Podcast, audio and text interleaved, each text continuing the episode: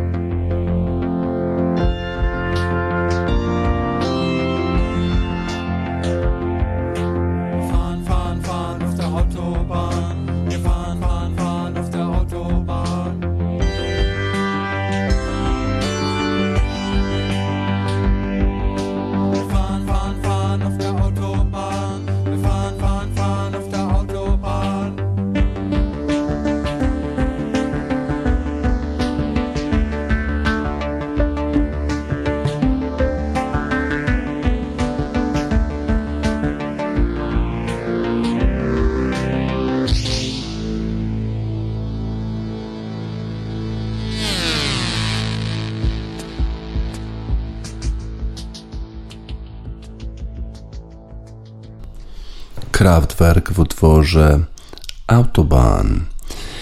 Fahren, fahren, fahren auf der Autobahn. No właśnie. Na autostradzie dzieją się różne rzeczy. W Polsce na przykład kierowcy jeżdżą sobie praktycznie na zderzaku. Tu tak samo jak w wyścigach NASCAR w Stanach Zjednoczonych, które są niesłychanie popularne w tym kraju, dużo bardziej niż Formuła 1 i o ile Formuła 1 ma w tej chwili lekką, małą przerwę, to nie próżnują kierowcy w NASCAR właśnie. Odbył się wyścig Watkins Glen w niedzielę. Kyle Larson wygrał. Wygrał już po raz piąty w tym sezonie, chociaż musiał bardzo e, mocno walczyć ze swoim kolegą z zespołu, a reprezentuje zespół Hendrick Motorsports, e, a kolega zespołu to Chase Elliott. To jest ten zawodnik, który ostatnio wygrywa najwięcej, a jednak tym razem zwycięstwo przypadło Kyle'owi Larsonowi. 28-letni e, Larson e, bardzo dobrze jeździ w tym sezonie. E, albo pierwsze miejsce miał, albo drugie. 10 razy już na 23 wyścigi do rozegrane do tej pory. No a jego zwycięstwo w niedzielę jest już jego piątym zwycięstwem, a jedenastym w historii swojej karierze, a piątym w tym roku. Jego zwycięstwo to 2 sekundy 43 setne nad Eliotem. No i w tej chwili Eliot Elliott wyszedł na prowadzenie razem z Danny Hamlinem, jeżeli chodzi o zwycięstwo w sezonie zasadniczym, a tylko już trzy wyścigi zostały do tak zwanych playoffów. Przypomnę, jak to się odbywa. Otóż jeszcze trzy wyścigi do playoffów, a tam awansuje tylko 16 kierowców najlepszych. Oni będą walczyć o mistrzostwo NASCAR Cup Series, a żeby wejść do tych, do tych 16, to trzeba na przykład albo wygrać przynajmniej jeden wyścig, albo właśnie dostać się tam e, za pomocą ilości zdobytych punktów. Tych najwięcej, jak już wspominałem, ma w tej chwili Danny e, Hamlin e, i właśnie Y, właśnie y, Larson. Larson i Hamlin e, prowadzą w sezonie zasadniczym, mają 917 punktów, ale Danny Hamlin jeszcze nie może być pewien, że w ogóle wystartuje w playoffach, bo on e, do tej pory jeszcze nie wygrał żadnego wyścigu. Bardzo dużo drugich miejsc, bardzo dużo miejsc w pierwszej dziesiątce i dlatego zgromadził te 917 punktów, ale nie wygrał jeszcze ani jednego wyścigu. E, a tylko trzech zawodników jeszcze pozostało takich, którzy nie wygrali wyścigu w tej 16. No i jeżeli te trzy ostatnie wyścigi wygraliby y, ci zawodnicy, ci kierowcy spoza pierwszej szesnastki, to jest prawdopodobne, jest możliwe, oczywiście to jest tego teoretyczna możliwość, że Denny Hamlin zwyciężając w sezonie zasadniczym nie awansowałby do playoffów. To byłoby coś niesamowitego. Y, już ósmy raz y, wygrał zespół Hendrick Motorsport w tym sezonie w ostatnich 11 wyścigach. Y, a to już czwarty raz, kiedy Larson i Elliott z tego samego zespołu właśnie Hendrick Motorsports wystąpili na miejscach skończyli na miejscach 1-2. No i trzeci raz już na wyścigu tak zwanym szosowym, bo są te wyścigi na owalu i wyścigi na tak zwanych, na tak zwanych na tak zwanych, co, na e, circuit to się nazywa po angielsku, a po polsku e, to się nazywa trasa właśnie, e, właśnie szosowa poza owalem. Larson prowadził przez 27 okrążeń, a 90 okrążeń było w tym wyścigu. No i po raz pierwszy wyszedł na prowadzenie, kiedy wyprzedził Joe Gibbsa, zawodnika reprezentującego Joe Gibbs Racing Martina Truexa, który na początku prowadził. Elliot udało mu się wyprzedzić Truexa, kiedy miał jeszcze 9 9 okrążeń do końca i właśnie wtedy zdobył drugie miejsce. Truex zakończył na miejscu trzecim, a potem na czwartym miejscu Kyle Busch i Danny Hamlin właśnie na miejscu piątym. Z kolei William Byron, który jest kolejnym zawodnikiem zespołu Hendrick, był szósty, a Christopher Bell i Kevin Harvick, Chase Briscoe i Richard Childress, Tyler Reddick skończyli na, na tych miejscach w pierwszej dziesiątce. E, Chase Elliott już mnie prawie doganiał, był bardzo szybki, e, ale udało mi się jednak utrzymać to zwycięstwo, tak powiedział e, Kyle Larson. Niesłychany, niesłychany wyścig dzisiaj, no i Tutaj należą się słowa uznania całemu zespołowi Hendrick Motorsport, tak powiedział Larson. To wspaniałe, to rzeczywiście pokazuje, jak świetna jest ta organizacja, jak wspaniale pracują ludzie, którzy przygotowują nas do tych wyścigów, jak świetnie pracują w pit stopach, jak pięknie pracują w, w alei serwisowej.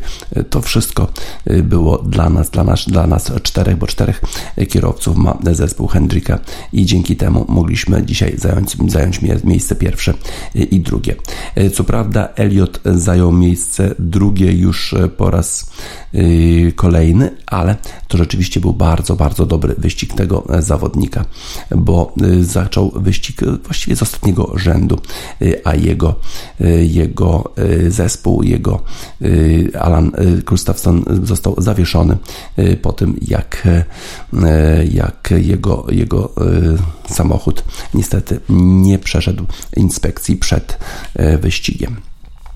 Elliot y, cały czas y, awansował w klasyfikacji, y, no i udało mi się w końcu zająć miejsce drugie. Brad Kieślowski to jest kierowca o polskim nazwisku. On wystartował z pole position, czyli był na pierwszym miejscu i prowadził przez pierwsze 9, 9 okrążeń, ale potem niestety jego samochód się okręcił wokół własnej osi, a potem jeszcze miał problem, zderzył się z innym zawodnikiem Joe'em Logano. No i Kieślowski co prawda jeszcze kontynuował wyścig, ale skończył na miejscu 35, a Logano potem po tej kraksie, po tej kolizji, a on przecież wystartował z miejsca drugiego, zakończył cały wyścig na miejscu 22.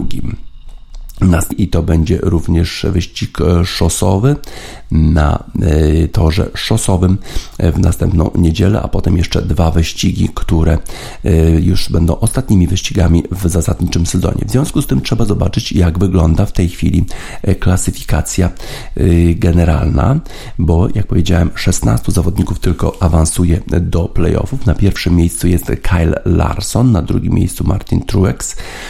Kyle Larson ma 5 zwycięstw w tym sezonie sezonie. Trzy zwycięstwa ma Martin Truex, Kyle Busch na miejscu trze trzecim. Dwa zwycięstwa Chase Elliott na miejscu czwartym, William Byron na miejscu piątym. No i jak już powiedziałem, trzech zawodników nie ma jeszcze zwycięstwa e, z tych 16. Jednym z nich jest Danny Hamlin, który prowadzi e, w sezonie zasadniczym, e, bo razem z Kylem Larsonem mają 917 punktów. Na trzecim miejscu William Byron w sezonie zasadniczym. Ale jak powiedziałem, trzech zawodników nie ma jeszcze zwycięstwa i potencjalnie oni mogą zostać wyprzedzeni przez tych zawodników, którzy nie znajdują się w pierwszej szesnastce, a na przykład wygraliby jeden z tych pozostałych trzech wyścigów. Zagrożeni są nie tylko Denny Hamlin, ale również e, słynny Kevin Harvick i Tyler e, Reddick, którzy są na miejscu 15 i 16. E, czyli właściwie najbardziej zagrożony jest Tyler Reddick. Jeżeli ktokolwiek wygra spoza tej 16, to Tyler Reddick wypada poza 16, a potem Kevin Harvick. A jak spisuje się Baba Wallace? To jest ten zawodnik, który reprezentuje zespół Michaela Jordana. To jest e, stajnia, którą on sformował w tym roku razem właśnie z Danny Hamlinem, żeby czarnoskóry kierowca Baba Wallace mógł, mógł występować, mógł rywalizować w e, NASCAR Cup Series. On jest na miejscu e, w tej chwili, no poza pierwszą szesnastką. 21 jest e, zarówno w klasyfikacji tej, e, tej właśnie Cup Series, jak i w klasyfikacji punktowej zgromadził do tej pory 440 punktów, wcale nie tak mało.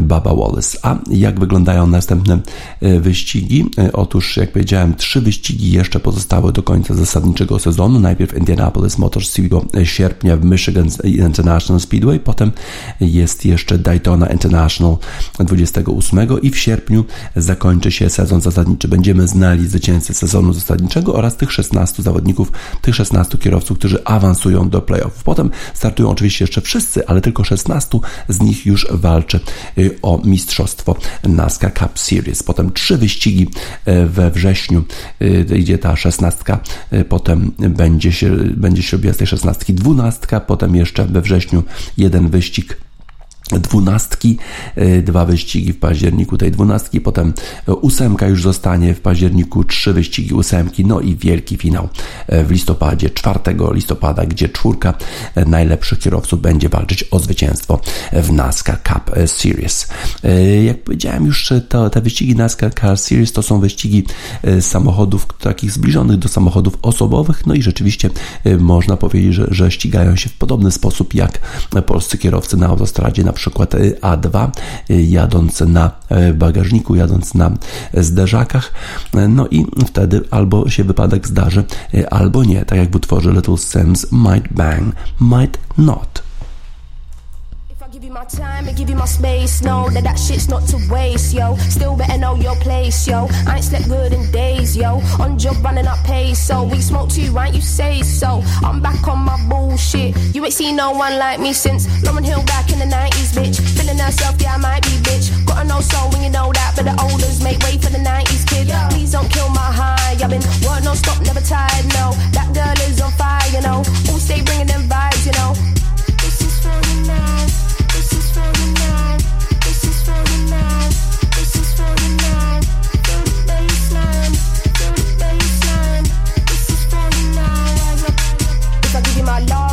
now. truth. No, that that shit's just for you. Can't nobody be meddling through. I'm paid now when I got shit to lose. Look at where we are. Who would have guessed who knew? I did, that's for sure. I kicked down the doors. They try not let me in. Fuck that, I crush the party. Fuck that, I am the party. Don't get me started. I am a one woman army. I am the force that will speak of. What's a wave to a tsunami?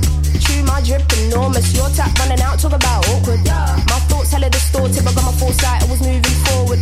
This is for the baseline.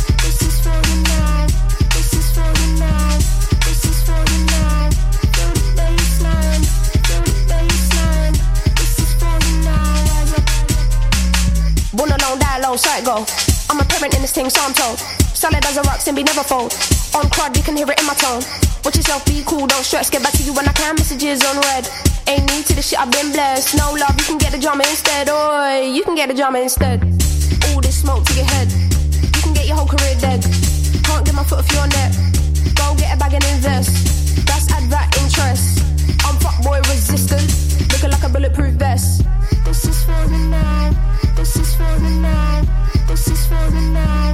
This is for the now. Feel the baseline. Feel the baseline. This is for the now. Little Sims, brytyjska artystka w utworze Might Bang, Might Not. Y, To można przetłumaczyć jako albo walnie, albo nie, czyli albo będzie kraksa, albo jej nie będzie, to właśnie tak jak w zawodach NASCAR Cup Series. Little Sims, bardzo utalentowana brytyjska artystka, w pewnym momencie w tym utworze mówi I'm a one woman army. Jestem armią służoną z jednej kobiety. W dzisiejszej Gazecie Wyborczej w papierowym wydaniu wywiad. Wywiad z Robertem Korzeniowskim, który mówi o stanie polskiej lekkiej atletyki, bo przecież to właśnie lekka atletyka zapewniła nam sukces na Igrzyskach Olimpijskich w Tokio 2020. Bez lekkiej atletyki te igrzyska byłyby wielką porażką.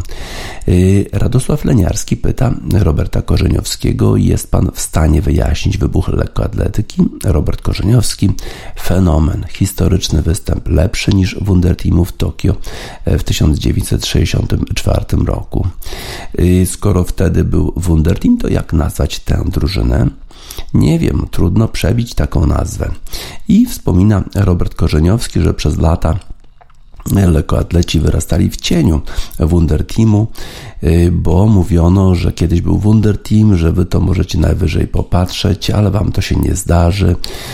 I dodatkowo trenerzy, tacy jak Jan Mulak, tłumaczyli, jak to trzeba robić, żeby było dobrze, bo oni tak robili w czasie Wunder Teamu, tylko patrzenie wstecz. No i wtedy świat nam odjeżdżał. A dzisiaj mamy w konkurencjach dominujących trenerów młodych lub takich, którzy nie zdążyli się zastarzyć mentalnie. Są też starsi trenerzy, ale wciąż smakujący nowych wyzwań, jak Zbigniew Król, trener Patryka Dobka, a wcześniej Pawła Czapiewskiego i Adama Kszczota. On nie wyrastał z tradycji Wunderteamu, ale szedł swoją własną drogą. Pamiętam go z różnych zgrupowań jako człowieka bardzo uważnego na świat. Grupa trenerów bardzo się odświeżyła, uczestniczą w globalnej wymianie informacji, a warunkami mogą dysponować, jakimi mogą dysponować nasi sportowcy, niczym, w niczym nie odstają od tych, które ma elita. Mamy rzeczywiście mniej stadionów w Polsce, ale generalnie wszystko, wszystkie właściwie takie zachcianki lekkoatletów są spełniane, bo przecież to są tak zwani topowi sportowcy, którzy mogą liczyć na wsparcie związku, mogą jeździć sobie do Kenii, mogą mieć hipobaryczne pomieszczenia. Jeżeli chcą badań biomechanicznych, to proszę bardzo, stymulatory mięśniowe również i jest to oczywiście fantastyczne. Ci młodzi zawodnicy, jak wspomina Robert Korzeniewski, zupełnie nie mają żadnych kompleksów, znają języki, mają kontakt ze światem. Oczywiście jest to różnica w mentalności, gdy człowiek miał buty na kartki, książeczkę walutową, żeby było kieszonkowe 3 dolary na dzień. Nie nastawiało to głowę na podbijanie świata. Dziś mamy inny świat i ludzi odważniejszych w myśleniu. No ale Radosław Leniarski sugeruje, że porównanie z Tokio 1964 jednak wypada na korzyść tego właśnie tej olimpiady w 1964 roku, bo tam były, było więcej kapitalnych występów w konkurencjach indywidualnych, przykład brąz Kłobukowskiej, finał góreckiej na 100 metrów, złoto Szewińskiej na 200, szóste miejsce Soboty, srebro Szewińskiej w skoku w dal, srebro ciepły na 80 metrów przez płotki, szóste miejsce Piątkowskiej, Foik Maniak w finałach na 100 i 200 metrów, Badeński brąz na 400 i złoto Schmidta w trójskoku działo się. I tutaj, y, co prawda, zupełnie inaczej odpowiada Robert Korzeniowski, ale ja komentując to sformułowanie, powiedziałbym tyle, że y, w 1964 roku w Tokio y, właściwie rywalizowaliśmy tylko z garstką krajów. Wiele krajów, w szczególności afrykańskich z południowej Ameryki, w ogóle nie miało sportu na takim poziomie, żeby wystawiać reprezentację na olimpiadę. W tej chwili sport stał się globalny i kraje afrykańskie, kraje Ameryki Południowej, kraje Azji, Azji Południowo-Wschodniej występują na olimpiadzie. Konkurencja jest zdecydowanie większa. Zresztą to widać po ilości krajów zdobywających medale na Igrzyskach e, Olimpijskich. Sam e, Robert Korzeniowski odpowiada, no tak, ale do niedawna można było powiedzieć, że cała Polska skupiła się na młocie Uważam, że na 400 metrów mamy odrodzenie. Ok, na razie tylko sztafetowe. Ja widzę problem tylko w sprintach krótkich, a jednocześnie wiem, że można w Europie osiągnąć sukces. Pokazali to Włosi, zdobywając złoto w biegu na 100 metrów i 4 razy 100. Na razie e, traktuję włoski wyczyn jako e, ewenement. Zobaczymy, e, jak to pójdzie dalej, bo jednak nie mieli takich wyników na 100 i 200 metrów do czasu Pietro Menei. Przez długi czas najlepsze, co mieli, to jedzenie w Casa Italia a teraz są zaraz za Amerykanami w lekkoatletycznej klasyfikacji medalowej. Rzeczywiście e, ten sukces włoski może być e, krótkotrwały, no bo Amerykanie rzeczywiście w sprintach zawiedli na tych igrzyskach. Oni na pewno okrzepną i e, pewnie dalej będą dominować zarówno Amerykanie, jak też sportowcy z Jamajki, w ogóle z Karaibów, bo tam jednak są najszybsi ludzie na świecie. Sprinty krótkie potraktujmy jako rezerwę, jako pole do poprawy, jako szansę i uważajmy na następstwo pokolenia pokoleń w niektórych konkurencjach, żeby skupiając się na jednej grupie nie zapomnieć e, o innych. Pyta potem Radosław Leniarski, jak to wygląda, jeżeli chodzi o zainteresowanie lekkoatletyką e, na prowincji. E, jeździ Pan po kraju, organizuje różne imprezy lekkoatletyczne. Widzi Pan, że jest więcej zainteresowania lekkoatletyką. Jest lekki wzrost, mówi Robert Korzeniowski. E, poprawiła się infrastruktura w miastach powiatowych, jednak daleko z tyłu jako lekkoatletyka w porównaniu na przykład z Orlikami. Mamy wielki problem, jeśli chodzi o nabór dzieci, o siłę klubów. Jest to wielka szkoda, bo lekkoatletyka ma olbrzymią wartość społeczną, przyciągając do sportu dziewczynki i chłopców wysokich i niskich, chudych i grubych. Dla każdego znajdzie się w niej miejsce. E, samorządy sobie czasem tego nie uświadamiają i jeśli miałbym coś związkowi zasugerować, to właśnie pójście na współpracę z nimi. Yy, no właśnie, Robert Korzeniowski, który był chyba strzałem w dziesiątkę, jeżeli chodzi o Eurosport, bo oni właśnie zatrudnili Roberta Korzeniowskiego na Olimpiadę. Świetny komentarz we wszystkich transmisjach, ale też rewelacyjny timing, jeżeli chodzi o zwycięstwo Dawida Tomali i pokazanie tego nagrania, kiedy to właśnie Robert Korzeniowski uczył Dawida Tomale chodu e, i e, jaki to miało efekt w postaci złotego medalu dla Dawida Tomali na Igrzyskach Olimpijskich. Bardzo e, dobra decyzja Eurosportu. Robert Korzeniowski rzeczywiście zrównoważony, znający się na atletyce. Chcemy takiego komentarza więcej na antenach polskiej telewizji i radia. A na razie możemy świętować dni glorii i chwały dla polskiej lekkiej atletyki, dedykując im utwór Bruce'a Springsteena właśnie o tych dniach Glory, Glory Days.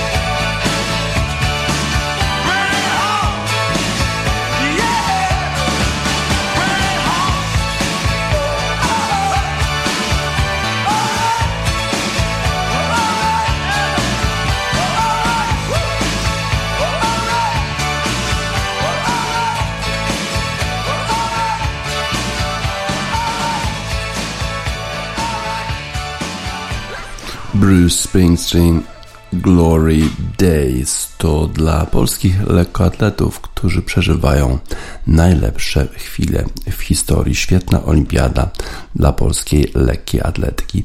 E, zakończyła się olimpiada Tokio 2020 i od razu powstają pytania, e, czy było warto, czy było warto e, przeprowadzać te igrzyska olimpijskie. Japonia wydała 17 miliardów na takie święto olimpijskie, na które nikt nie mógł przybyć, no bo przecież nie było kibiców na trybunach zawodów. Czy było warto w ogóle organizować takie igrzyska, wydać tyle pieniędzy? Było to zdecydowanie, były to zdecydowanie największe igrzyska oczywiście w historii. 206 zespołów brało udział w igrzyskach olimpijskich. Były one większe, bardziej zróżnicowane, bardziej zróżnicowane nawet niż Organizacja Narodów Zjednoczonych.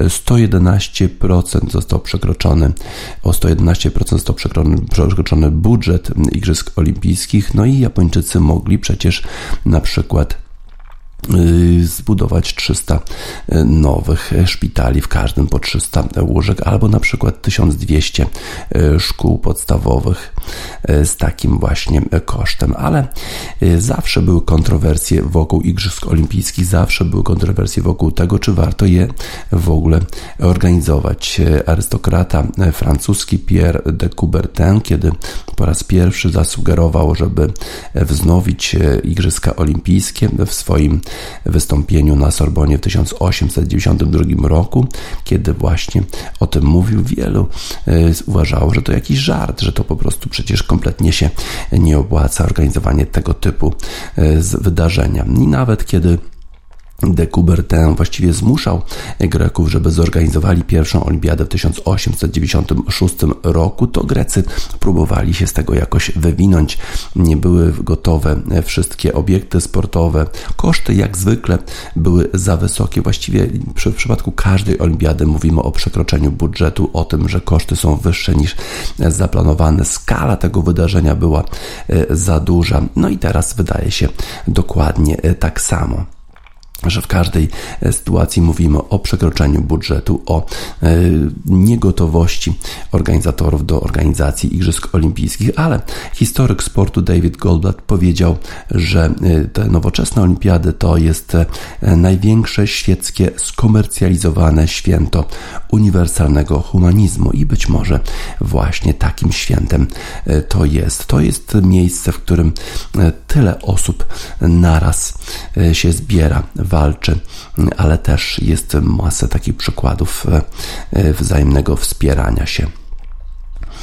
Jeżeli chodzi o Japończyków, no to były na pewno bardzo, bardzo e, trudne igrzyska, bo jest trochę takich rekordów, których nie chcielibyśmy mieć, bo w drugim tygodniu Igrzysk Olimpijskich liczba zakażeń koronawirusem w Japonii osiągnęła maksimum. No i jedna trzecia, ponad jedna trzecia tych przypadków jest, e, pojawiła się w Tokio, gdzie e, te liczby e, zwiększyły się trzykrotnie w ostatnich dwóch tygodniach. Co prawda, tylko 350 tych przypadków można powiązać bezpośrednio z igrzyskami, no ale to trzeba też wziąć pod uwagę efekty takich dosyć dziwnych informacji, które przesyłał rząd, bo z jednej strony mówił ludziom, żeby zostali w domu i, i żeby przestrzegali tego społecznego dystansu, a potem jednak zorganizował dwudniowe święto narodowe, żeby wszyscy zaczęli świętować właśnie rozpoczęcie Igrzysk Olimpijskich. Wydano masę pieniędzy, 6 miliardów dolarów publicznych pieniędzy zostało wydanych przez Japończyków na święto, które, w którym Japończycy nie mogli uczestniczyć. W związku z tym oczywiście było sporo bardzo niezadowolonych ludzi, ale to też jest częścią olimpiady. Częścią olimpiady jest kontestowanie, organizowania w ogóle olimpiady. Ci ludzie, którzy kontestują, którzy protestują, są jak gdyby częścią tego całego spektrum. Olimpijskiego. Ale jednak w czasie tej olimpiady mieliśmy masę przykładów takich, kiedy sportowcy opowiadali, jak to trudno było przetrwać pandemię, ale jak udało się jednak tę pandemię przetrwać, udało się trenować, udało się zdobyć taką formę, żeby przyjechać na olimpiadę i powalczyć, a w, też w wielu przypadkach wygrywać również z własnymi słabościami, z ograniczeniami dotyczącymi poruszania się, z, ograniczeniami dotyczącymi e, treningu, a jednak ci sportowcy e, udało im się e, przetrwać to i przyjechali na to święto i byli razem. Wiele takich przykładów, wiele takich scen, kiedy walczący ze sobą, konkurujący jednak byli jakąś wspólnotą. Chyba takim symbolem Igrzysk Olimpijskich jest ta sytuacja, kiedy Tamberry i Barshim z Kataru w skoku wzwyż zdecydowali się, że nie będą walczyć o pierwsze miejsce, że obydwaj dostaną złote medale, bo zależy im po prostu również na własnej przyjaźni. I to jest chyba symbol Igrzysk Olimpijskich to ta wspólnota, która przetrwała, nawet przetrwała pandemię. Wiele też różnych innych historii, które przejdą, przejdą do historii właśnie, chociażby to jak Tom Dean, który wygrał złoty medal na 200 metrów w, w stylem dowolnym i mówił, jak przetrwał COVID i nie był pewien, czy kiedykolwiek kiedykolwiek wrócić w ogóle do pływania, a już do ścigania się na najwyższym poziomie. Y, to było oczywiście bardzo trudne, żeby przewidzieć, że taka sytuacja będzie miała miejsce, ale są też trudne historie i ciężkie, jak na przykład Czeszka, która miała wystartować w turnieju siatkówki plażowej, ale właśnie została zdiagnozowana pozytywnie, jeżeli chodzi o koronawirusa, dwa dni przed jej meczem otwarcia. Płakała, płakałam, potem e, przeklinałam, potem znowu płakałam. Także wiele e, historii. E, historia Simone Biles, która zmagała się z problemami psychicznymi, zdecydowała się wycofać z drużynowych zawodów, a potem jednak wróciła, zdobyła brązowy medal. Piękna y, historia.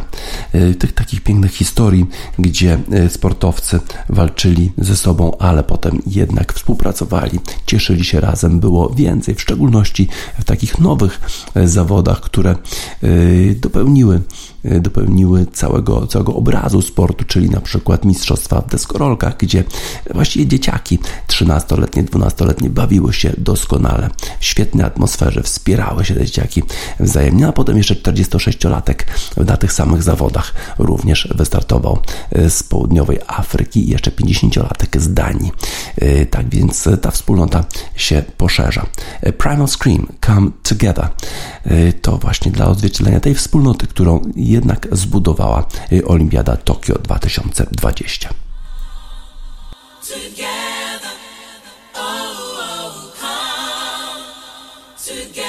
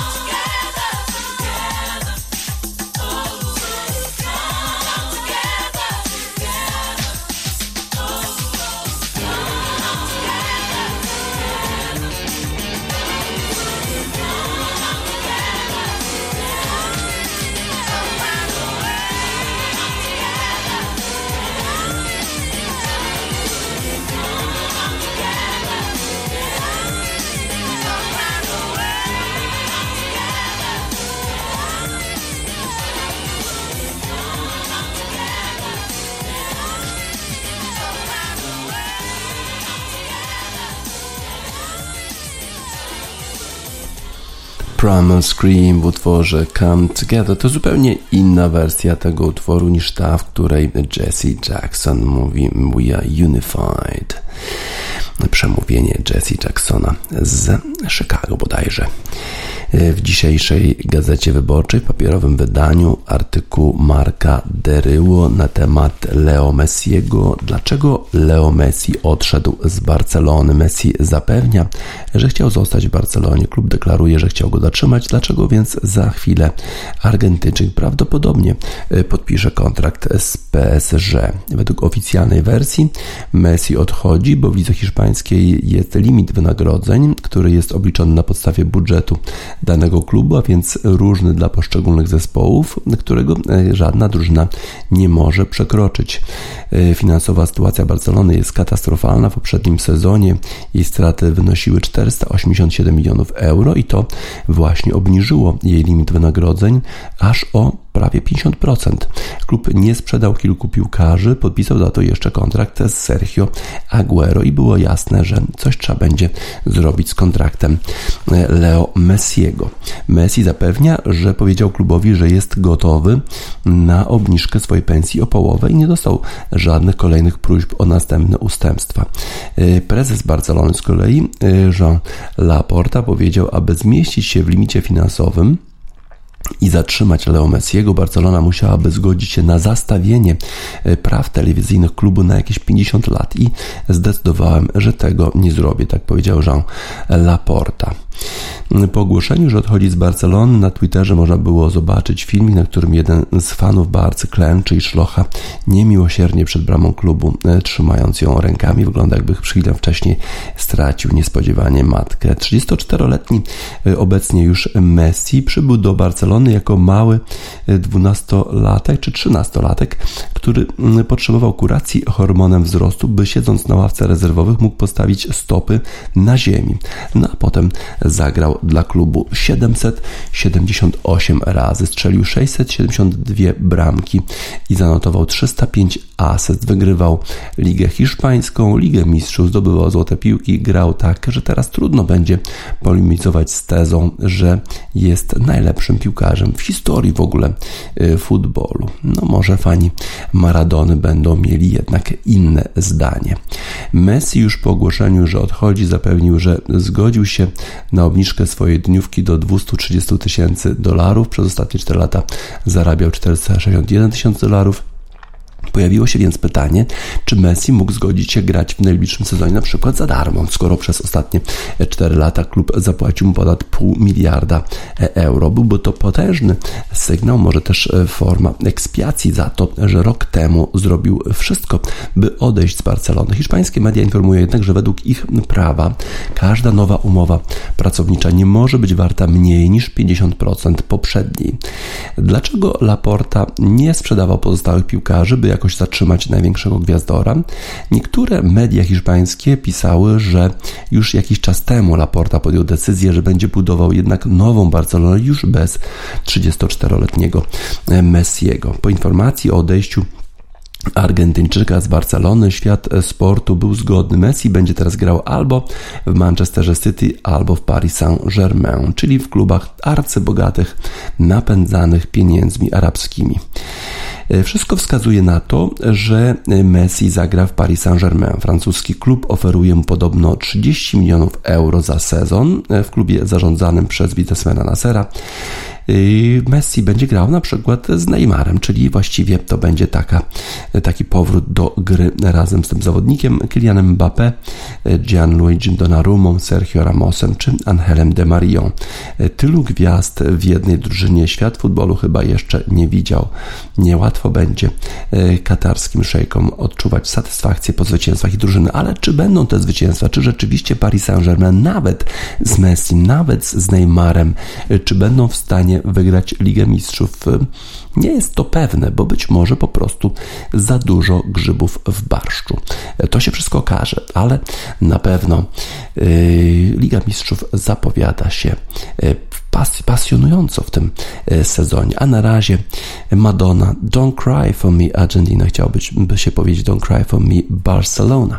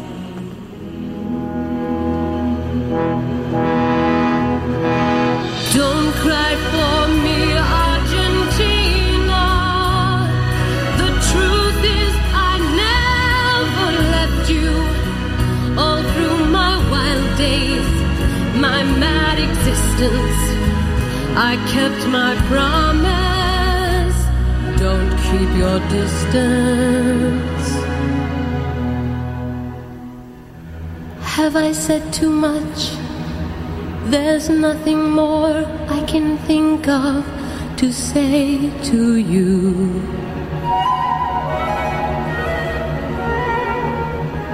But all you have to do is look at me to know that every word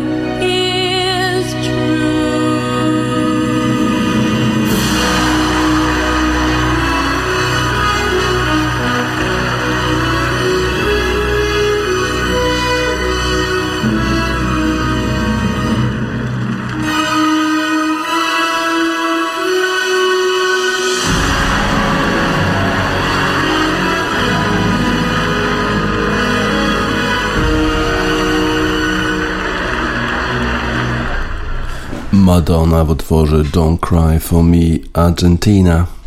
Don't Cry For Me Barcelona chciałoby się powiedzieć. Messi odchodzi z Barcelony i najprawdopodobniej dołączy do Paris Saint-Germain. Rasizm wrócił na stadiony baseballa amerykańskiego. Wrócił w postaci okrzyków na meczu na Coors Field w Denver.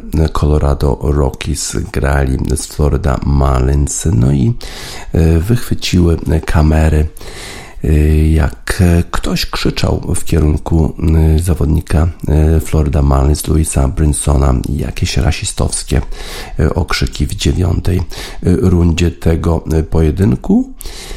No i potem zespół Colorado Rockies, całe, cała organizacja wystosowała oświadczenie mówiące o tym, że Colorado Rockies są absolutnie oburzeni okrzykami rasistowskimi, które wykrzykiwał jeden z fanów w kierunku Louisa Brinsona podczas dziewiątej rundy dzisiejszego meczu. Co prawda nie zidentyfikowaliśmy tej osoby jeszcze, ale Rockies, czyli Colorado Rockies, ta organizacja będzie w dalszym ciągu badać ten incydent i na pewno zidentyfikuje tę osobę, która tego, w ten sposób się zachowywała. Rockies mają zero tolerancji dla jakiejkolwiek formy rasizmu czy dyskryminacji. Y, również nie mamy tolerancji dla y, jakiegokolwiek fana, który używałby języka takiego obraźliwego w kierunku y, jakiegokolwiek zawodnika. Każdy taki fan, każdy taki kibic zostanie wyrzucony ze stadionu i będzie miał zakaz stadionowy.